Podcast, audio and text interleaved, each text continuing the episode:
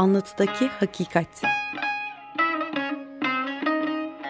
Akademisyenler, sanatçılar, sanatkarlarla metinler arası sohbetler.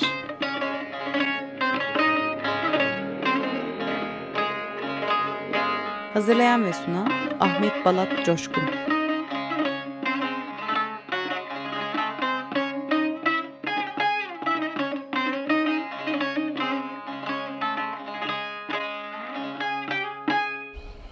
Merhaba.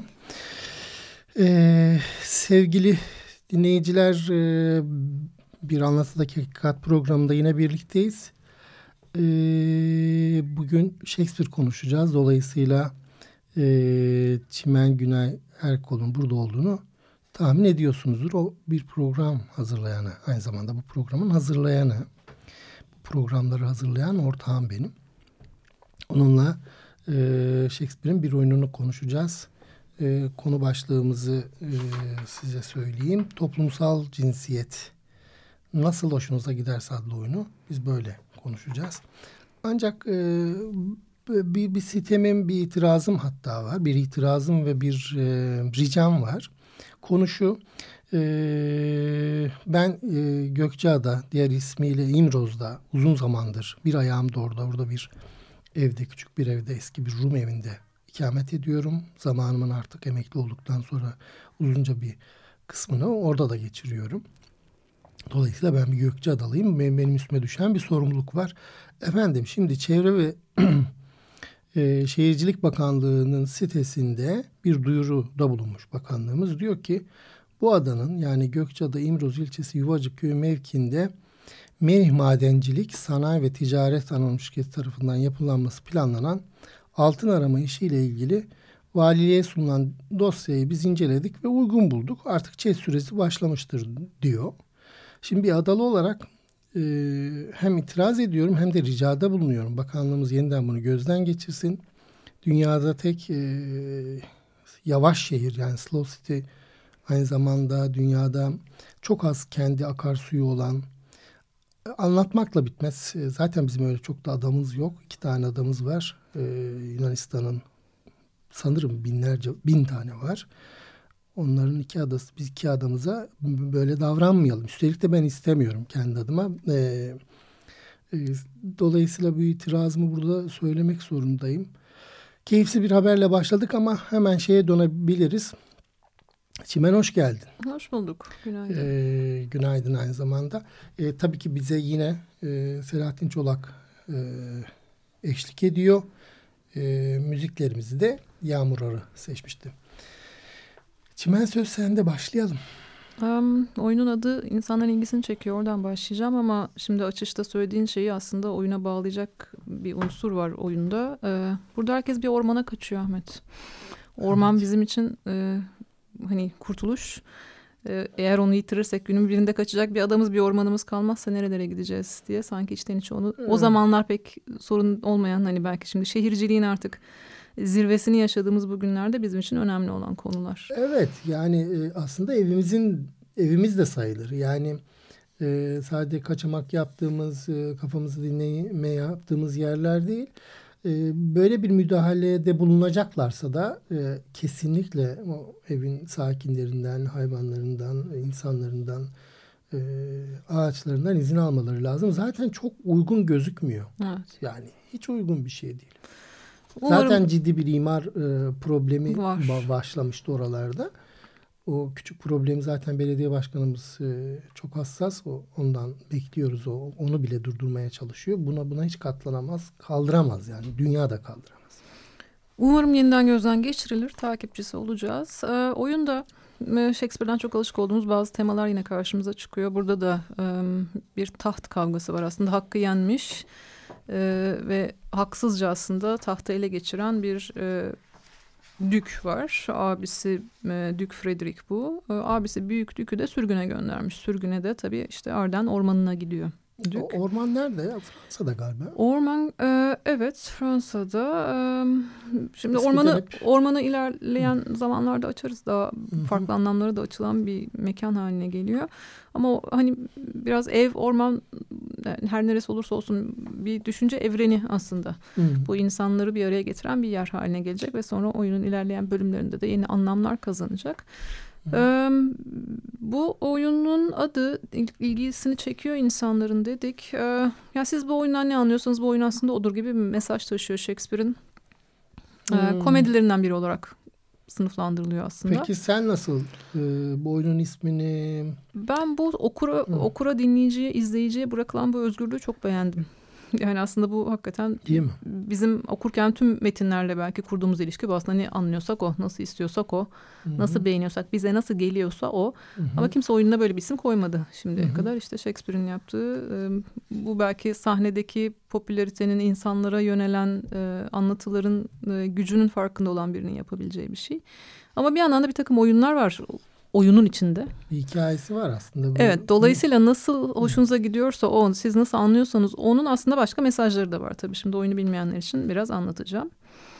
Ee, şimdi geriye dönük şöyle bir birkaç şey söylemek istiyorum oyuna başlamadan önce ama bu bizim sekizinci programımız. Aa, evet doğru ya. Yani Görüyorum ki. Sekizinci program derken sen benim yaptığım programların yarısını sen sen aşağı yukarı bu programı sen yaptın. Yani bu anlatırken sen ikametin kaç tane olmuş? Sekizincisini yapıyoruz bugün. Zaten 16 tane ee, Otello ile başlamışız. Yani şöyle biz bunu çok hani en başlarda çok net bir şekilde uzmanısınız. Konuşmadık. Siz. Estağfurullah ben hiçbir şeyin uzmanı olmayarak devam edeceğim hayatıma inşallah. Ee, Otello ile başladık ama hani en başlarda da biz nasıl bir seyir izleyeceğimizi çok fazla bilmiyorduk ve konuşa konuşa bir şeylerin ortaya çıkacağını düşünüyorduk ama fark ediyorum ki Hı-hı. belki bu biraz işte hani benim ilgi alanım ve senin ilgi alanların birleşiyor. Bir toplumsal cinsiyet tartışması yapıyoruz aslında birinci oyundan beri. Otello'da erkeklik ve kıskançlık diye bir başlık koymuşuz. Sonra fırtınaya bakmışız ama emperyal babalık gibi aslında yine bir baba kız ilişkisi üzerinden tartışmışız onu. Bir yaz gecesi rüyasında da bir güç savaşı vardı. Orada da bir kadınlık erkeklik e, meselesi vardı. Onun içerisinden tartışmışız. Sonra Hamlet'e baktık. Hamlet'in zaten bütün trajedisi babasının intikamını alamaması, o e, rol altında ezilmesi dolayısıyla nasıl bir erkeklik rolü oynaması bekleniyor kendisinden bunu tartışmışız. Macbeth yine o e, Macbeth ve kahramanın cinsiyetiymiş orada da başlığımız. E, tahtı ele geçirmek ve yeteri kadar hani cesur olmak ne anlama geliyor onu tartışmıştık. Romeo ve Juliet'te yakınlıkları yapmışız sonra. E, Venedik tacirinde de e, bir borç meselesi vardı. O borca sağlık olmak, o borcun gerektirdiği işte cezayı erkekçe karşılayabilmek falan gibi hani bedeninden bir parça kesilecek diye bir tartışma vardı. Dolayısıyla gördüğüm şey. kadarıyla evet biz aslında benzer temalar etrafında dolandık hep bu ıı, çalışmalarda. Şimdi, bir orijinalliği var aslında böyle erkeklik çalışmaları açısından Shakespeare eleştirisi. Ben biraz psikanaliz. Evet. Yani tabii bizim burada yaptığımız şey metinler arası. iki metin burada ele alınıyor. Bir tanesi edebiyatın bir alanı olan erkeklik çalışmaları. Hı hı. Bir miktar feminist eleştiri. Hı hı. Bir miktar da işte psikanalitik eleştirinin e, yani bu iki metnin e, ele aldığı Shakespeare incelemeleri var. E, beni tabii bu projeye eşlik ettirdiğin, ben de tabii okum, yeniden okuyorum, yeniden okuyorum. Enteresan bir şey bu. Hani niye Shakespeare'la başladık bu işi yapmak için onu bilmiyoruz ama o bizim de kafamızda e, henüz cevaplayamadığımız şeyler var. Ama Şimdi geriye bakınca bir şey birikmiş görününce iyi görünüyor bana. Sana da inşallah öyledir. Yok evet ben de çok şey öğrendim. Çok mutluyum o yüzden burada olmaktan. Ee, oyuna döneyim. Ee, yani hani toplumsal cinsiyet neden geldi derseniz sen böyle bir akıcı evet. olduğunu fark ettik ama hem de aslında oyunun içerisinde yani nasıl hoşunuza giderse siz bu oyundan ne anlarsanız o mesajını veriyor ama oyunun içerisinde bir çift cinsiyetlilik tartışması var. O yüzden aslında nasıl hoşunuza giderse ya da işte size nasıl geliyorsa şeklindeki bu sesleniş aslında bu toplumsal cinsiyet meselesinin de size nasıl öyle geliyorsa öyledir. Hmm. hmm siz bunu nasıl algılıyorsanız öyledir mesajını vermek üzere kurgulanmış bir başlık olduğunu düşünerek bu programın e, toplumsal cinsiyet nasıl hoşunuza giderse olmasına karar verdik. Bakalım içinden neler çıkacak. Evet oyunda bir Rosalind'imiz var. Aslında e, Özdemir Nutku yine çevirmen olarak yazdığı ön sözde tabii ki belirtiyor. Shakespeare'in en başından beri hep konuşuyoruz. Çeşitli metinlerden yaptığı alıntılar var. Kimi zaman olay örgüsünü baştan aşağı bir yerden alıyor. Burada da nasıl hoşunuza gidersenin konusu yani bütün bu konu aslında bu cinsiyet değiştirme hikayesi dahil olmak üzere Thomas Lodge'un Rosalind adlı bir romanından alınma. Romanın basım tarihi 1590 ama oyunun ilk folyo basımı 1623. E, dolayısıyla hani Shakespeare bunu almış, işlemiş, kimi yerlerde dönüştürmüş e, ve bu şekilde sahnelenmiş. O ne kadar uzun zamanlar değil mi? 30 yıl ya.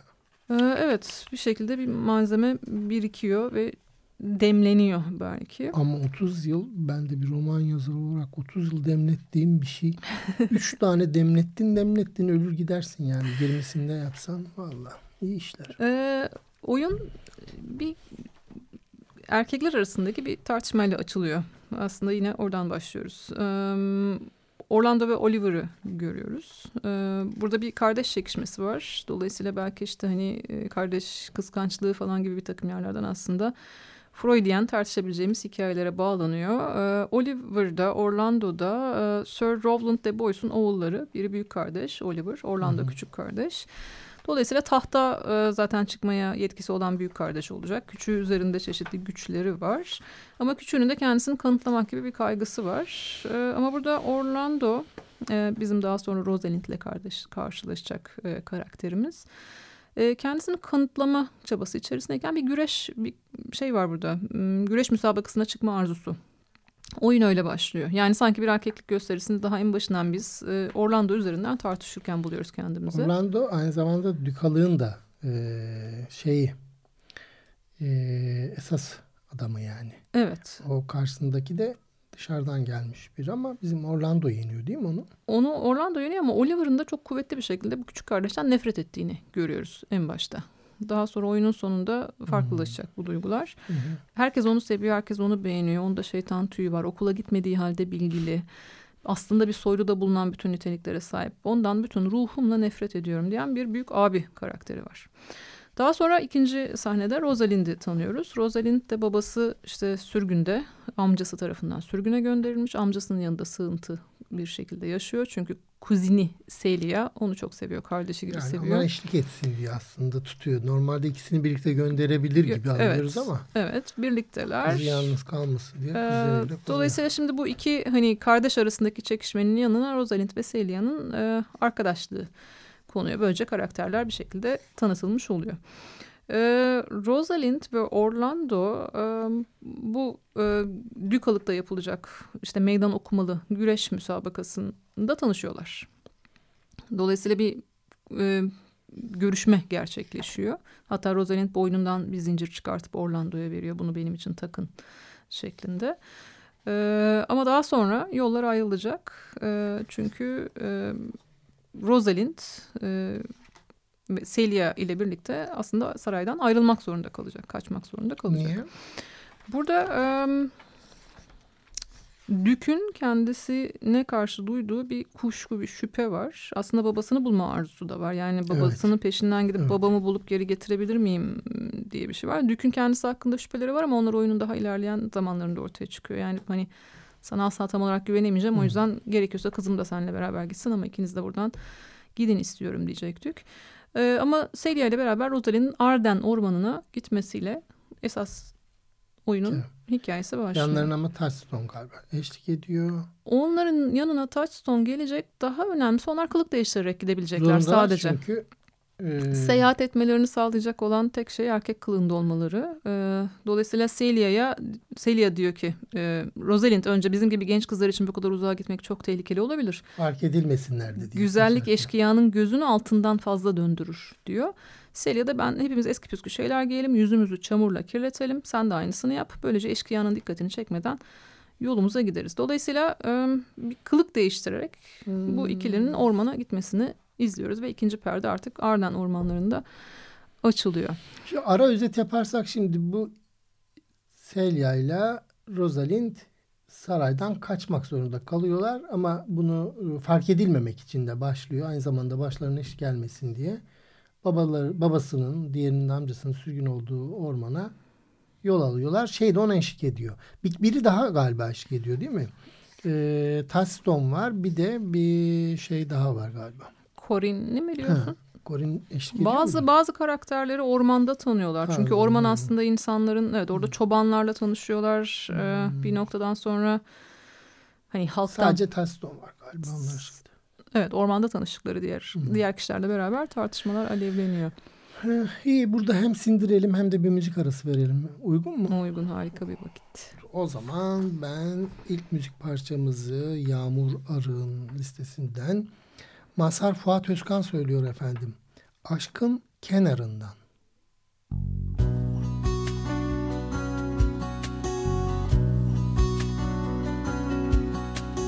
Rüyamda çıkıveriyorsun karşıma Kandırıyorsun beni bu besbelli Bir uyanıyorum yansın Öyle üzülüyorum ki. Hücreler bırakamıyor kendini. Şöyle tam bir oh çekecekken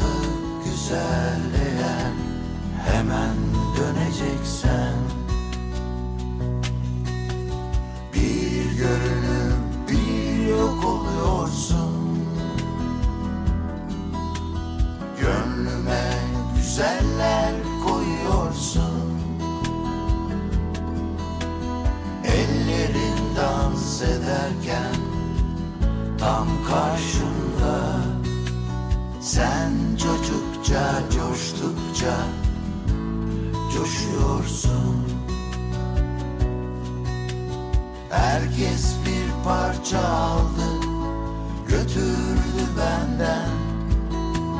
Ben demeyi bıraktım yoruldum seni üzmekten. Biraz gönlünü alsam geçerken aşkın kenarından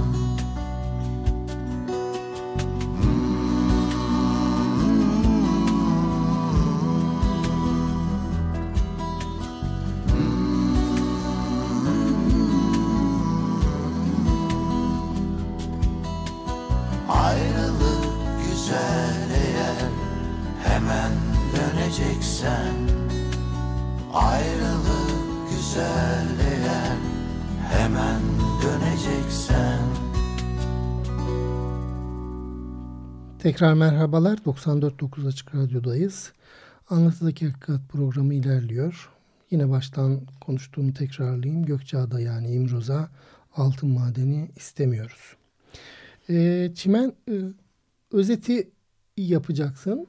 Evet. Sonra belki gerisin geriye dönüp. Bu sefer öyle yapalım. Hı hı. Kısa bir şekilde özeti yapıp üstüne konuşalım istersen. Zaten ormana girdikten sonra e, karakterler e, oyun e, ormanda geçen ve daha sonra sarayda geçen sahnelerle devam ediyor. Yani ağırlıklı olarak ormanı izliyoruz. Ama arada bir de işte Duke Frederick ve onun yine sürgüne gönderdiği diğer lordlarla ilgili bir takım şeyleri konuştuğu ara sahneler izliyoruz. Ee, orman tabii değişik bir mikrokozmos haline geliyor. Orada e, bu karakterlerin kılık değiştirmiş halleriyle artık yeni kimlikler kazandıklarını görüyoruz. Ee, Rosalind e, Gnamidi oluyor. Ee, Celia'ya da farklı bir isim takıyor. Ali Ali Aliena. Ya da ya sanki böyle yabancı değil de ne denir yaratık gibi. Evet. Alien gibi değil mi? Evet. Dolayısıyla bir oyun oynuyoruz artık o karakterler. Bu rollere girmeye çalışıyorlar ve o rollerin hakkını verip veremediklerini de kendi aralarında konuşuyorlar. Dolayısıyla hani rollerin de ne kadar iyi olduğu bir tartışma.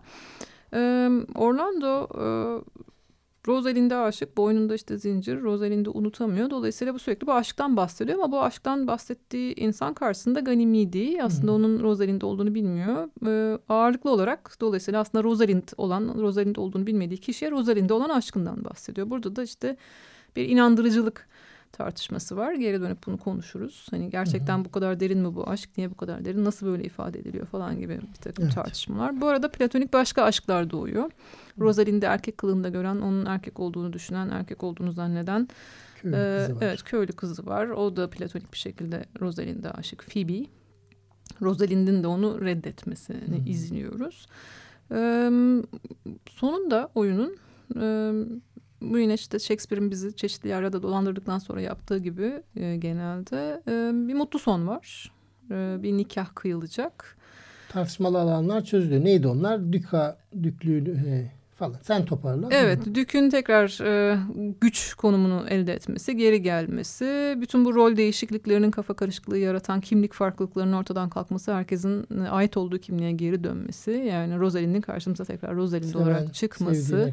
Evet, herkesin sevdiğine kavuşması. Hatta erkek Manla kardeşinin, kaybeden. onun ha. erkek kardeşinin işte e, Rosalind'in kız kardeşi şeklinde o Celia ile yakınlaşması gibi böyle hani bir toplu bir mutluluk hmm. şeklinde sona eriyor oyun. Ee, diğer oyunlardan farklı olarak en sonunda bir e, son seslenişi var Rosalind'in. Onu, onu belki bütün hepsini tartıştıktan sonra istersen en sona bırakalım. Ne güzel evet. oldu ya. Ben ben aslında bunu öneriyorum ya. Bundan sonraki format bu olabilir. Çünkü yani dinleyicimiz şey yapsın. Şu değerli toplu bir kafasında şey olsun da bizim de nasıl bir eleştiri yaptığımız şeyleri o bildiği öykü üzerinden hani şey yapmış olur. Evet devam edelim ve gerisin geri hatta başından başa, baştan yeniden şöyle başlayabiliriz. Ee, ben bir soru sorayım istersen sana. Buyurunuz.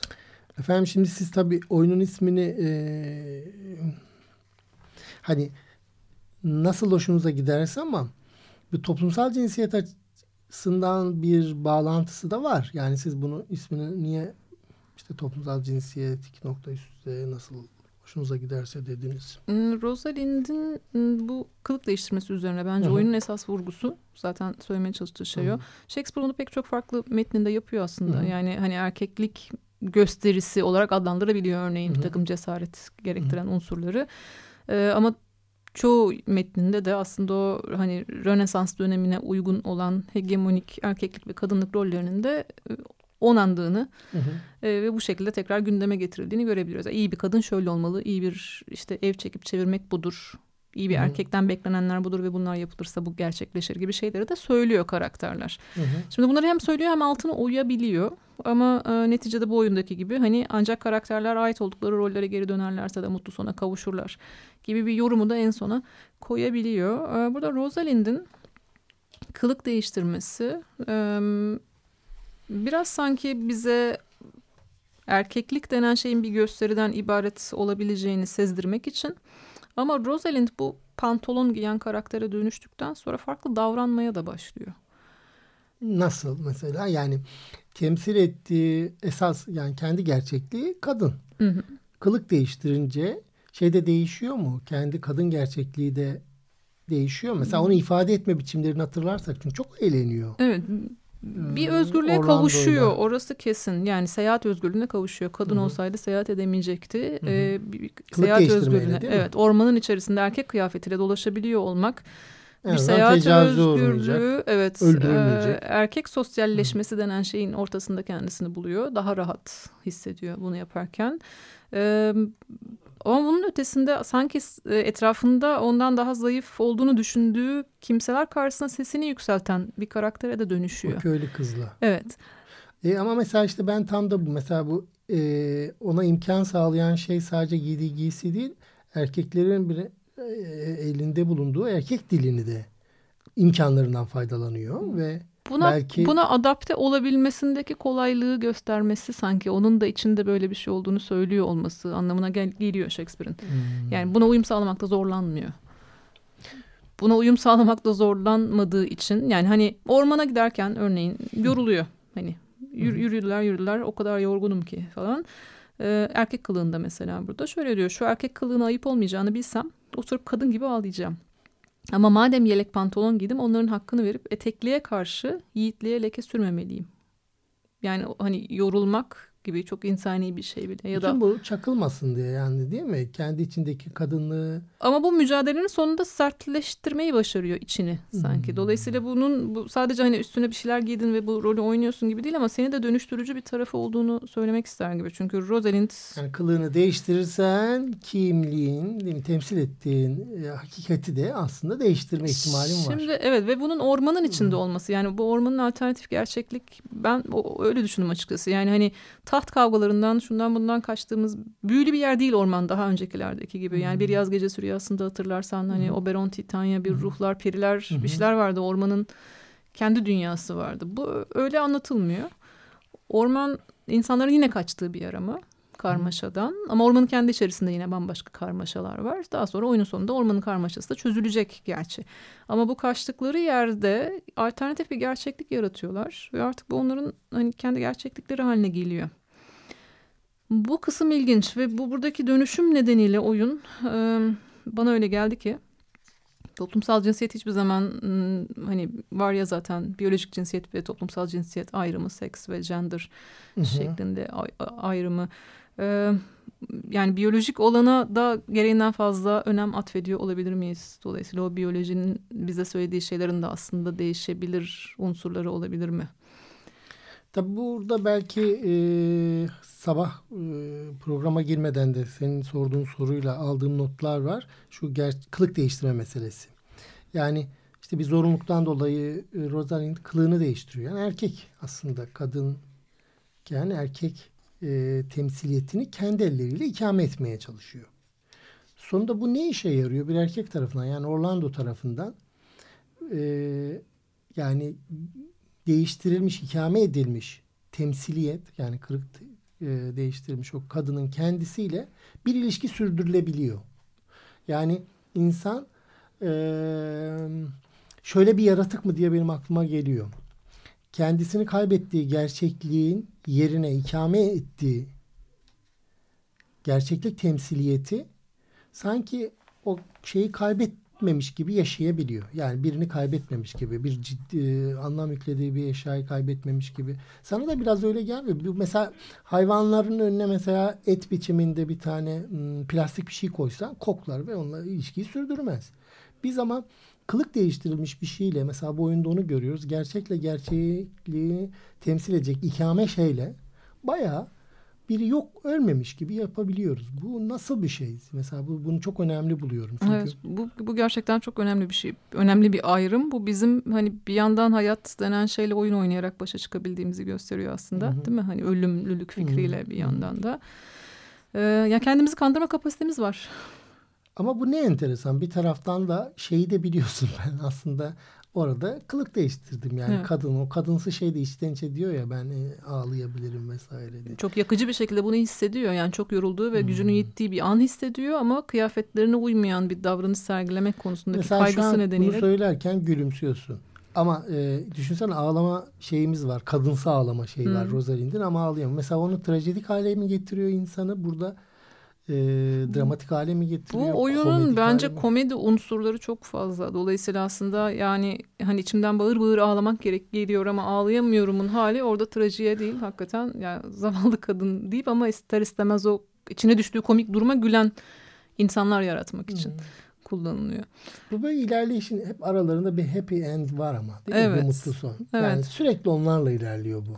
Ara ara böyle bir mutluluklar yakalanıyor böyle. Tam böyle onun erkek ve ondan olan aşkını işte o sınama sahneleri, oyunları vesaire. Enteresan. Ee, gülmece unsurların arasında biraz bilge sözler de var. Ee, sabah biraz konuştuk ya Jack. Ee, bu aslında şey evet içkin filozof. Shakespeare'in en fazla alıntılanan sözlerinden biri. Bütün Hmm, dünya bir doğru, sahnedir. doğru. Kadın, erkek, bütün insanlar da oyuncular. Her birinin giriş ve çıkış zamanları vardır diyor. Bu biraz uzun aslında. Bunu okusam iyi olur. Bence Ee, de oku. e, ama bu aslında hani oyunun esas mesajı bu. Dolayısıyla bütün roller, kadınlık, erkeklik e, sırayla bizim benimsediğimiz çeşitli anlık e, gösterimler. Hı hı. Bunları sergiliyoruz. Bunları sergilerken rol olduklarının farkındayız. Hı hı. Ama hiç kendimizi kaptırabiliyoruz. Hoşumuza da gidiyor olabiliyor. İşte nasıl hoşunuza giderse. Hı. Şöyle diyor e, Jack, bütün dünya bir sahnedir. Kadın erkek bütün insanlarda oyuncular. Her birinin giriş ve çıkış zamanları vardır. Her insan kısa ömrü içinde çeşitli roller oynar ve yedi perdeye bölünmüştür hayatı. Birinci perdede bebektir. Süt ninesinin kollarında salyalarını akıtarak ağlar. Sonra sızıldanan bir okullu, sırtında çantası tertemiz sabahlık yüzüyle isteksiz, sümüklü böcek gibi sürünerek okula gider buradaki sümüklü böcek e, imgesi tarafından büyülendiğimi söylemek istiyorum. Siz ne işte meşgulsünüz ki? E, biz okula, okula giden herkesin sümüklü böcek gibi sürünerek gittiği bir yerde yaşıyoruz. Sonra aşıktır. Fırın gibi derinden nefes alır. Yani bu mükemmel benzetmeler. Yani körüklü bir şeye benzetiyor, fırına hmm. benzetiyor hırıldayan. Sevgilisinin kaşına türküler düzer. Sonra Pars bıyıklı bir askerdir. Ağzında garip küfürler kendi onuru üzerine titrer. Çabuk kızıp kavgaya girişir. Su kabarcığından farksız çanı şöhreti top ağzında bile arar. Sonra da herkese adalet dağıtan biri saygındır, toparlak göbeği, besili bir piliçle astarlanmıştır. Bakışları sert, sakalı usulünce kesilmiş. Ukala bilgelikleri herkesin kullanabileceği örnekleri boldur. Böylece kendi rolünü oynar. Yani yaşlandığınızda ancak sanki kendi rolünüzün daha esaslı size ait olan bir tarafıyla karşılaşıyorsunuz. Altıncı perde, yedi demişti. Altıncı perde burnunda gözlük. Tıpkı şu anda senin burnundaki gibi. Kırıcı olmuyor. Ama gözlük burnunda duruyor o yüzden. Ama şeyden dolayı. Doğru söylüyorsun. Ee, yanında kese. Evet bu daha yaşlı birini tarif ediyor Ahmet haklısın. Yanında kese yaşlı biri. Eskimesin diye sakladığı pantolonu sıska bacaklarına büsbütün bol gelir. Bedeni kurumuş ayağı terlikli. Ee, kalın bir erkek sesi tekrar çocuk sesi gibi inceliyor. Düdük sesine döner ve son perde. Bu acı ve aynı zamanda coşkulu hikayeyi sonuçlandıran bölüm ikinci bebeklik dönemi tam bir unutulmuşluk. Gözsüz, hmm. dişsiz, hiçbir şeysiz diyor ve Orlando ile Adam giriyorlar. Ee, şimdi hani bütün o komikliğin, kılık değiştirmelerin, tatlı cilveleşmelerin ortasında hmm. birdenbire size böyle bir felsefi Evet mesela bu Jack önemli. Ben evet, monolog giriyor. Yani Jack şunu yapıyor. Aslında hani erkek kıyafetleri olan e, ve kendini erkeğe bürümeye çalışan o çabanı kendisini soyuyor. Bakın diyor işte bu şeydir diyor değil mi? E, bu kadınmış aslında diyor. Yani tıpkı şöyle bir tür bizim mesela ben bunu e, bu, bu anlamı ortaya sahici gerçeklik arayışında olan bu adamın e, biraz şöyle de bir tarafı var Allah için. Şimdi böyle sanki bir nihilist biraz sanki kendisinin aşkı yokmuş gibi biraz kızgın biraz öfkeli. Ama bir taraftan anlam dediğimiz, sahici gerçeklik dediğimiz şeyi de aslında filozofik olarak hani onun sadeliğini ortaya koymaya çalışan e, biri gibi görüyoruz bu Jack'ı. Dolayısıyla Jack'ın bu tanımladığı anlam aslında biraz melankolik bir anlam. Yani bir taraftan da e, sahicilik melankoliyle, melankolik ifadeyle aslında edebiyatla çok ilişkili ilerliyor bu önemli. Bu biraz tabii romantik de görünüyor. Bir, bir taraftan öfkeli görünüyor. Biraz böyle işçilikten geçmiş yani böyle emek verilmiş gibi görünüyor falan. Bu e, anlamların da çeşitleri varmış gibi geliyor bana. Hani işte bir melankolinin anlamı dediğimiz şey. Jack böyle biri. Hemen şunu ekleyeyim senin söylediğin şey. Bu melankolik anlam hani orada çok sahici. Hı-hı. Ama bir sahne sonra şimdi Touchstone diye bir figür de var. Yani evet, sana çok... çok felsefi sözler söyleyen karakterin hemen yanına aynı felsefi sözleri karman çorman ya da karmaşık söyleyen daha soytarı hı hı. E, diyebileceğimiz bir evet, onu, karakter koyuyor. Dolayısıyla sanki bir noktada o felsefe yapma çabasını da gülünçleştiriyor. Çünkü Touchstone e, ormanda karşılaştı. Çobana soruyor felsefeden anlar mısın çoban hı. diye. Dolayısıyla bir anda hani çok bilgece edilen bir takım sözler aslında tırnak içinde halkın hani ayağa düşmesi. Burada orijinal olan ne biliyor musun? Şimdi hı. sen söylerken. Şimdi aslında durduk yere şöyle bir soruya maruz bıraksa hayat bizi.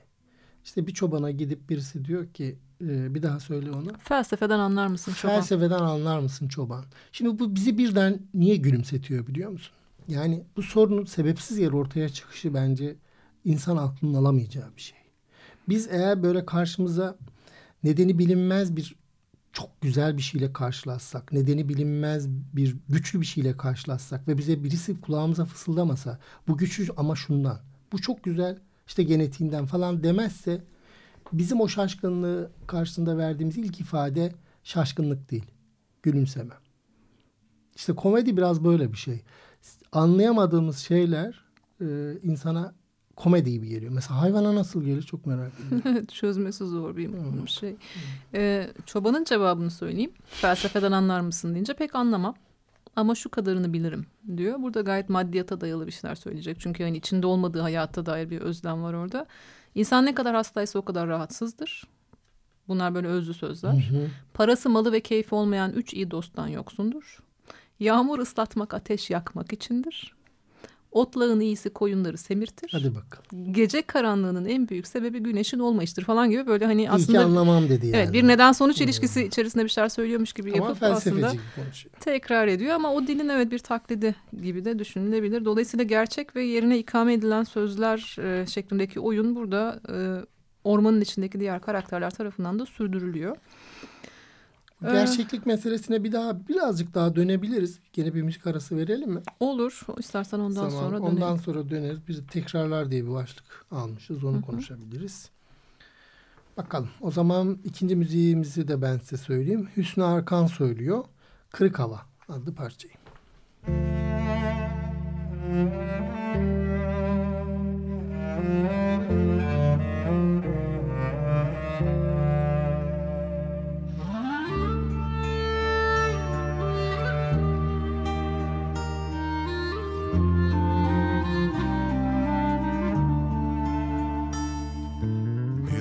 sandala oturmuşuz geceymiş.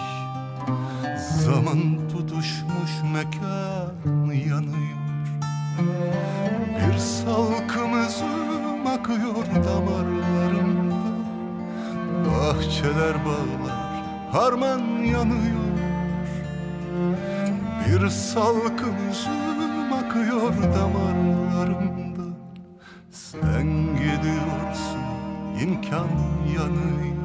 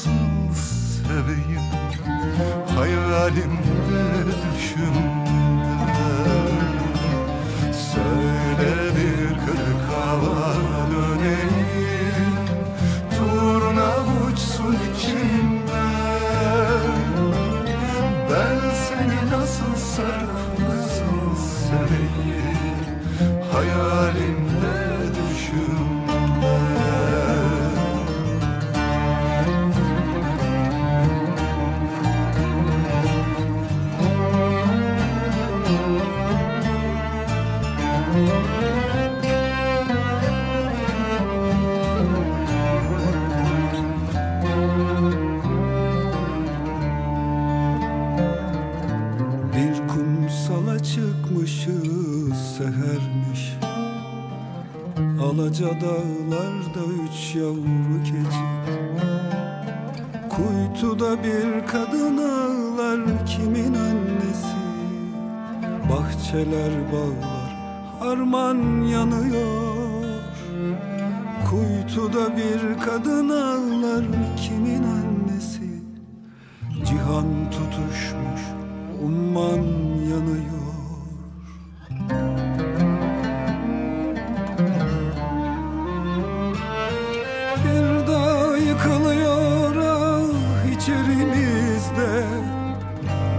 Çiçek büyütmüşüz saksıya sığmaz.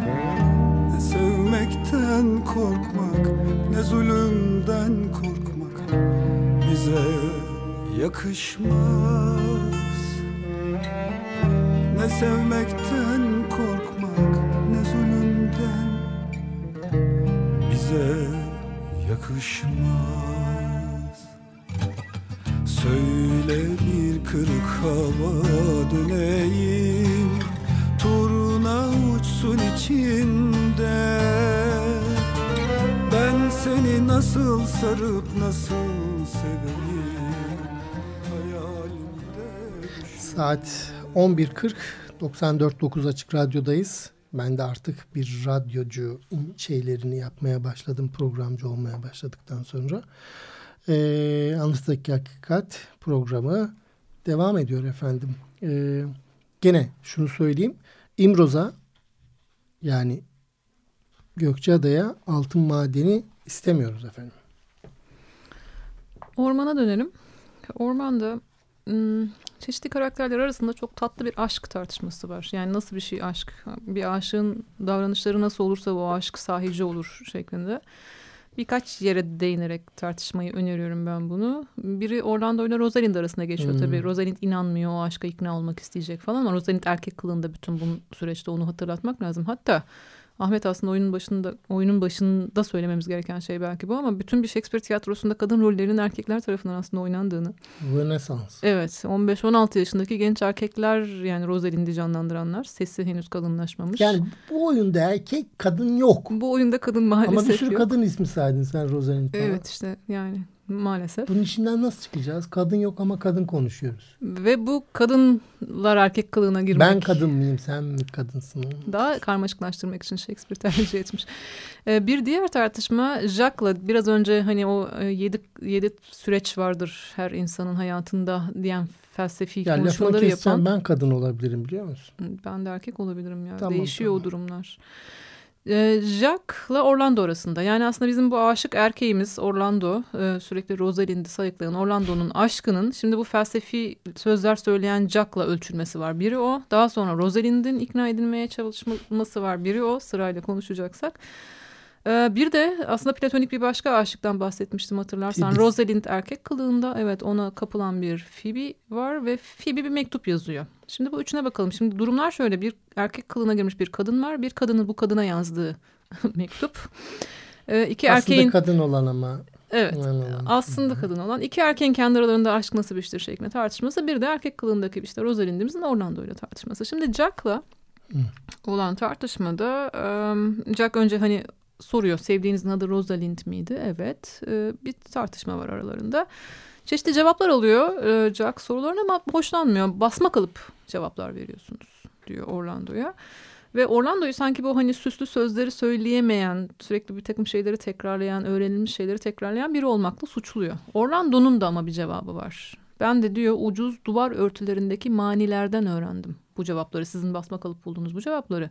Tıpkı sizin soruları öğrendiğiniz gibi. Yani bana sorduğunuz şeyler de öğrenilmiş sorular. Yani kendinizi öyle çok da yüksek görmeyin. Hani felsefeci gibi takılıyorsunuz buralarda ama sizin sorularınız da öğrenilmiş, benim cevaplarım da öğrenilmiş gibi bir cevap Hı hı. burada. Ee, ve Jack sizin en büyük kusurunuz aşık olmanız diyor. Burada Orlando'nun sahiplendiğini görüyoruz. Ben bu kusurumu sizin en iyi yanınıza değişmem. Burada böyle müthiş bir meydan okuma. Çok ilerlemiyor. Daha sonra ormanda bu sefer Rosalind'in karşısında görüyoruz Orlando'yu. Ee, Rosalind şeye çok sinirlenmiş. Sağda solda ağaçların üstünde Rosalind yazılmış. Körpe ağaçların sinir olmuş. Ormanda diyor bir adam var. Dolaşıp ne kadar körpe ağaç varsa gövdelerine Rosalind yazıp onlara zarar veriyor. Alıçlara uzun şiirler, böğürtlen çalılarına ağıtlar iliştiriyor. Adam hepsinde Rosalind adını ilahlaştırmış. Şu aşk tacirine bir rastlarsam ona bazı öğütlerim olacak. Çünkü anlaşılan adamcağız aşk hummasıyla kıvranıp duruyor diyor. Orlando o benim. Pardon bunu bir kadın olarak aslında girdiği e, kılık kılığına girdiği erkek şeyinde yapıyor. Ama biliyoruz ki istemiyorum ama yan cebime koy durumları mı? Aslında öyle. Hmm. Kendi adını orada yazılı görmüş. Çok mutlu bir yandan ama e, şimdi az onu onun, onun için Tam üste- bir üzerinde dışı ya bu işte. onun için üzerinde duralım diyorum. Çünkü şey hani sağa sola e, atarlanmakla ilgili bir erkek kılığı hali var burada şimdi yani. Niye sağa sola Rosalind yazıp duruyorsun? Sen kim olduğunu zannediyorsun? Demek zorunda hissediyor o erkek kılığı işte içerisinde. demiyormuş. Evet. Daha sonra benim ilgimi çeken şu oldu Ahmet. Ee, şimdi Hı. Orlando o benim yani hani benim bu derdimin dermanı ne olur bana söyleyin diye kıvrandıkça Rosalind e, ya diyor ben amcamdan öğrenmiştim bir aşığın nasıl olacağını yani onun bir ön bilgisi var bende ama enteresan şekilde Peki bu amca? amca sürgün edilen ha, babası değil amcası pardon dük Bu yani adam onu şeyde bu niye öğretiyor? işte enteresan yani baba rolünü o üstlendiği için olabilir belki dedik ama sonuçta kızlarını koruyan biri belki hani gibi davranıyor ve gerçek bir aşık karşına çıktığında o şöyle olacak. Babalık taklidi oluyor olabilir mi ya? Evet. Ben babanı aslında hani sürgüne gönderdim diyemiyor. Bir suçluk psikolojisi falan. yaratıyor. O diyor bana aşıkları nasıl tanıyacağımı öğretmişti. Sizin hiç öyle hasır kafeste hapsedilmiş gibi bir haliniz yok. Neymiş o emareler diye soruyor Orlando. Çökük avurtlar sizde yok. Mor halkalı içe kaçmış gözler sizde yok. Kışkırtıcıdır ha. Konuşmaktan hoşlanmayan biri siz öyle değilsiniz. Bakımsız bir sakal o da sizde yok. İşte hani üstünüz başınız fazla düzgün bir aşık olmak için diyor. Burada ona ikna olmuyor. Yani hakikaten Çok doğucul bir şey. Mecnun istiyor. yani. divane istiyor. Hmm. Yeteri kadar kaptırmamışsın sen. Senden aşık falan olmaz. Siz diyor başka birini sevmekten çok kendinize aşıksınız. Şimdi bir türkü söyleyeyim mi? O havaya soktu değil mi? Yakışıklı delikanlı diyor Orlando. Keşke sizi inandırabilseydim aşık olduğuma. Rosalind ne münasebet. Git kimi inandırman gerekiyorsa onu inandır. Beni inandırmak zorunda Daha değilsin. senden başka aşık mı yoktur? Ama e, bu hani ikna çabası çok e, komik. Komikleştiriyor halde seyirci Rosalind olduğunu bildiği için aslında erkek kılığındakinin. Ama bir yandan da aslında bunların hepsinin öğrenilmiş olduğunu, ikna etme sözlerinizin de öğrenilmiş olduğunu, aşk ifade ettiğiniz sözlerin de öğrenilmiş olduğunu hatırlatıyor. E, bir sonraki şey şu mektup. Hmm. E, o da beni benden aldı. Phoebe'nin yazdığı. Phoebe'yi bir daha hatırlatalım. Bu e, Rosalind'in erkek haline aşık olmuş köylü kızcağızı. Evet. E, Ve Çok sade, hoş bir kadın ama. Öncesinde Phoebe ile Rosalind bir karşılaşıyorlar. Ee, Rosalind'in yine bu işte sağa sola sinirlenen halleri içerisinden Phoebe de payına düşeni alıyor. Ya sen çok da öyle matah biri değilsin şeklinde. Ve Phoebe bayağı mazoşist yani sen beni bir yıl daha paylasan çok daha mutlu olurdum. Senin beni paylaman şu adamın bana kur yapmasından daha Var mı güzel. böyle bir kadın tipi? sen daha Yargın mı? sen daha iyi bilirsin. Bir psikiyatr olarak yani bu, bu insanın şimdi hakikaten Sen daha iyi bilince ben erkek kimliğimle sanki çok yapmışım da biraz yok estağfurullah onu demek şey yok- istemedim. olmuyor mu böyle? bir- Hayır yani böyle bir kadın var mı yok mu bilmiyorum. Böyle bir kadın olabilir en azından Shakespeare bu olabileceğini söylüyor diyelim edebiyat asılında. Ama şöyle bir karı var. İşte sen e, orada en azından beni hani haşlasan da uzağımda olmuyorsun. Evet. Bu evlilikler klasik öyle. Öyle. Şimdi Anne ço oğlan çocuk ilişkisi de öyle mesela. hmm, Anne mektubuna böyle geri gelelim. burnundan getirir annenin. Tehlikeli sulara. tehlikeli sulara ilerliyorsun. Şimdi Phoebe'nin yazdığı mektupta e, Rosalind bu mektubu hiç beğenmiyor. Olmaz diyor. Üzücü, acımasız bir üslup bu. Tam bir kabadayı ağzı. Yani enteresan bir şekilde erkek kılığına girmiş bir kadın bir kadın tarafından kendisine yazılan aşk mektubunu beğenmiyor. Kabadayı buluyor. Şuna bakın bana meydan okuyor. Üstelik bu üste çıkma halini yani daha yumuşak bir aşk bekliyor herhalde. Bana meydan okuyor. Tıpkı Hristiyana küfreden Türk gibi. Yine Efendim efendim? Hristiyana küfreden Türk. Olmaz. Klasik Shakespeare. Biz asla gavur falan yok öyle. Bir sonraki cümleye dikkatinizi çekmek istiyorum. Ziyade- kadınların zarif ziyadesiyle. kadınların zarif beyinlerinden böylesine canavarca nezaketsiz sözler çıkmaz. Habeş ağzı bu diyor. İfadesi suratlarından daha karadır. Ee, bu mektup nedeniyle de biz şey görüyoruz. Yani hani kadınlar böyle söylemez, erkekler böyle söyler. İşte Türkler şöyle küfrediyor Hristiyanlara demek istiyor Shakespeare. Aslında burada bir savaşın ortasındayız. Yani hani bütün bir Rönesans mantığını düşünürsek işte hani elimizdeki Affedersin e, ne gibi yani bu? Affedersin. Neyse. mektubu okuyor. Hmm. Okumamı istiyorsan okuyayım. Ama ben isterim. Ama hani bir kadının azarlamasını garipsiyor. Sen demiş mesela mektupta Phoebe. Çobana dönüşmüş bir tanrı mısın ki böyle yakıyorsun bir kızın yüreğini? Bir kadın hiç böyle azarlar mı? Karşısında Silvius var. Siz bunu azarlama mı diyorsunuz diyor. Hani abartmayın. Ee, Rosalind okumaya devam ediyor. Neden ilahi vasfını bir yana bırakıyorsun ve bir kadının gönlüyle savaşıyorsun? Yani niye kabul etmiyorsun aşkımı? Niye beğenmiyorsun? Niye savaşıyorsun bununla? Azarlamanın böylesini duydun mu? diyor. Beni merhametsiz buluyor. Beni işte hani beğenmedi. Bunların hiçbiri azarlama değil diyor Silvius. Ee, ama hani karşısında yara, acınacak bir figür yaratılması Rosalind'i iyice sinirlendiriyor. Bu acımayı hiç hak etmiyor. Sen böyle bir kadını sevebilir miydin? Sen şimdi git ona söyle. Eğer beni seviyorsa ona seni sevmesini emrediyorum diyor. Eğer buna razı değilse sen arada olmadığın sürece onunla asla görüşmeyeceğim. Sen gerçek bir aşıksan bundan sonra hiç konuşma diyor. Böylece Silvius çıkıyor. Ee, yani nasıl bir emir komuta zincirine dönüştürdüğünü Rosalind'in görmemiz gerekiyor. Sana Bu oyunlar evet. emrediyorum. Ötekinin aşık olmasını, sana aşık olmasını emrediyorum şeklinde. Ee, burada daha sonra bu oyunu bozan bir unsur var. Kanlı mendil. Oraya geleyim mi? enteresan. Efendim hemen. hemen. Ee, şimdi hani Bekliyorum. bizim Rosalind'imiz çok e, çetin, çok cesur, çok kaytan birine dönüştü. Ama bir kanlı mendil bütün olayı bozuyor. Şöyle ki Oliver geliyor. Oliver büyük abi. Orlando'dan nefret eden. Böyle birdenbire çok büyük bir tatlılıkla geliyor ama. Hani Orlando'nun ikinize de selamı var. Rosalind de bu kanlı mendili yolladı diye ormana geliyor. O siz misiniz? Evet Rosalind benim ama bu nedir? Yani erkek kılığında tabii Rosalind hala burada. Glime de olmalı yani aslında belki.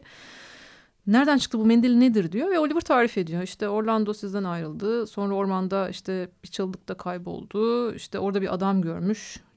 Bir yılan boynuna dolanmışmış. Yerde yatan adam işte kımıldamıyormuş. A- yerde yatan adamın öz ağabeyi olduğunu görmüş falan diye. Aslında bu abinin kendisi olduğunu söylemeden bir başkasının geç, başından geçmiş bir hikaye gibi anlatıyor. Ve yerde yatan abisini kurtarırken aslında yaralandığını Orlando'nun söylüyor. Daha sonra da o abi benim şeklinde itiraf ediyor. yaralamış. Kanlı mendili veriyor ama işte bir parça et, bir aslan da giriyor hikayenin içine. Sadece yılan değil de bir aslanla da boğuşarak abisini kurtarmaya çalışıyor. Yani çok cesur bir Orlando.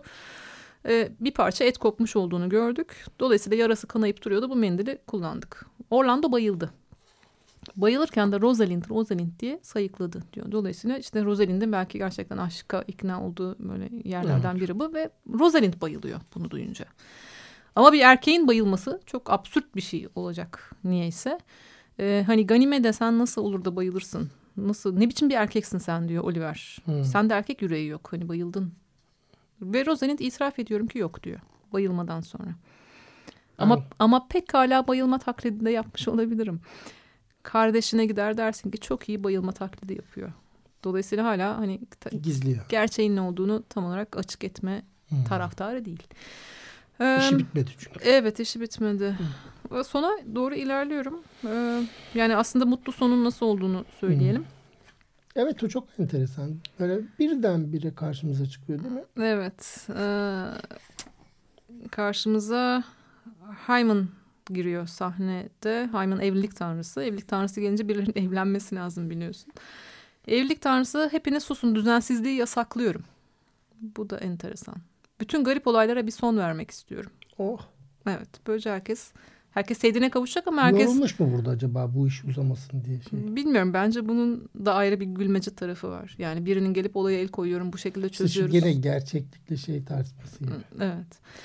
Ee, Çok Orlan- ağır hastayken birden sebebi bilinmeyen bir şekilde iyileşmek gibi. Evet. O Orlando'nun diğer abisi de gelecek bu şeyden sonra ama öncesinde tabii ki bir hani ev- evlilik gerçekleşecek. Dolayısıyla Rosalind gerçek Rosalind olarak karşımıza çıkıyor. Orlando artık işte Hmm. e, aşkını gerçek Rosalind'e itiraf edebilecek bir halde karşımıza çıkıyor. E, iltifatlar ve itiraflarla beraber sevenler sevdiklerine kavuşuyor. Burada bir son epilog var. Şey Rosalind'in. Evet. Hı hı. kadınların son sözü söylemesi alışıldık bir şey değil. Ama hani ben bunu söyleyeceğim şeklinde Rosalind'in sadece Rosalind'in sesini duyduğumuz bir bölüm var. Bu, bu enteresan çünkü hiçbir Shakespeare oyununda bu şekilde bir kadınlara verilen bir son söz yoktu. Ee, iyi bir son söz sunamayacağım belki şeklinde aslında bu son söz sunma çabasını bile gülünçleştiriyor yani son ana kadar. Ee, sizin beğeninizi kazanıp kazanmadığımı da bilmediğim için ne yaptığımı pek kavrayabilmiş değilim. Ciddiyetimi takınıp şunu söylemeliyim. Ben burayı çok sevdim. Ey kadınlar, erkeklere duyduğunuz aşk adına size emrediyorum. Bu oyun nasıl hoşunuza giderse öyledir. Ve siz ey erkekler, kadınlara duyduğunuz aşk adına, sırıtmanızdan anladığım kadarıyla içinizde kadınlardan hoşlanmayan yok. Kadınlarla birlikte bu oyundan hoşlanmanızı emrediyorum.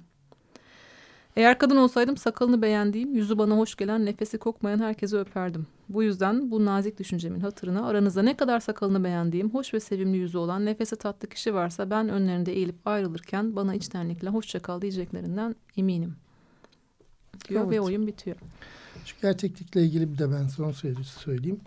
Aslında insan şöyle bir şey bekliyor gibi. Kendiliğinden sebepsiz bir iyileşme e, beklentisi hani burada da oluyor yani. Kendiliğinden bir happy end. Yani ama biz bunu istiyoruz bir kere. İstediğimiz için aslında karşımıza çıkıyor böyle şeyler. E, daha doğrusu bunu ikame de etmek istiyoruz. Ama sürekli e, bu yarattığımız happy endler e, bir kuşku da taşıyor. Yani bir komedi kuşkusu taşıyor bence. Yani komedi o yüzden var. O e, nedensellik ilişkisinden kopartılmış her şeyi bir taraftan iyileştirici buluyoruz.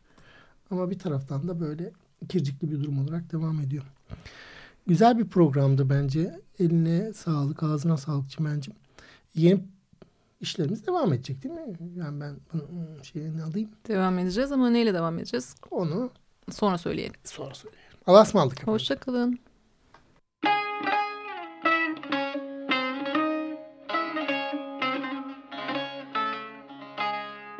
Anlatıdaki Hakikat Akademisyenler, sanatçılar, sanatkarlarla metinler arası sohbetler.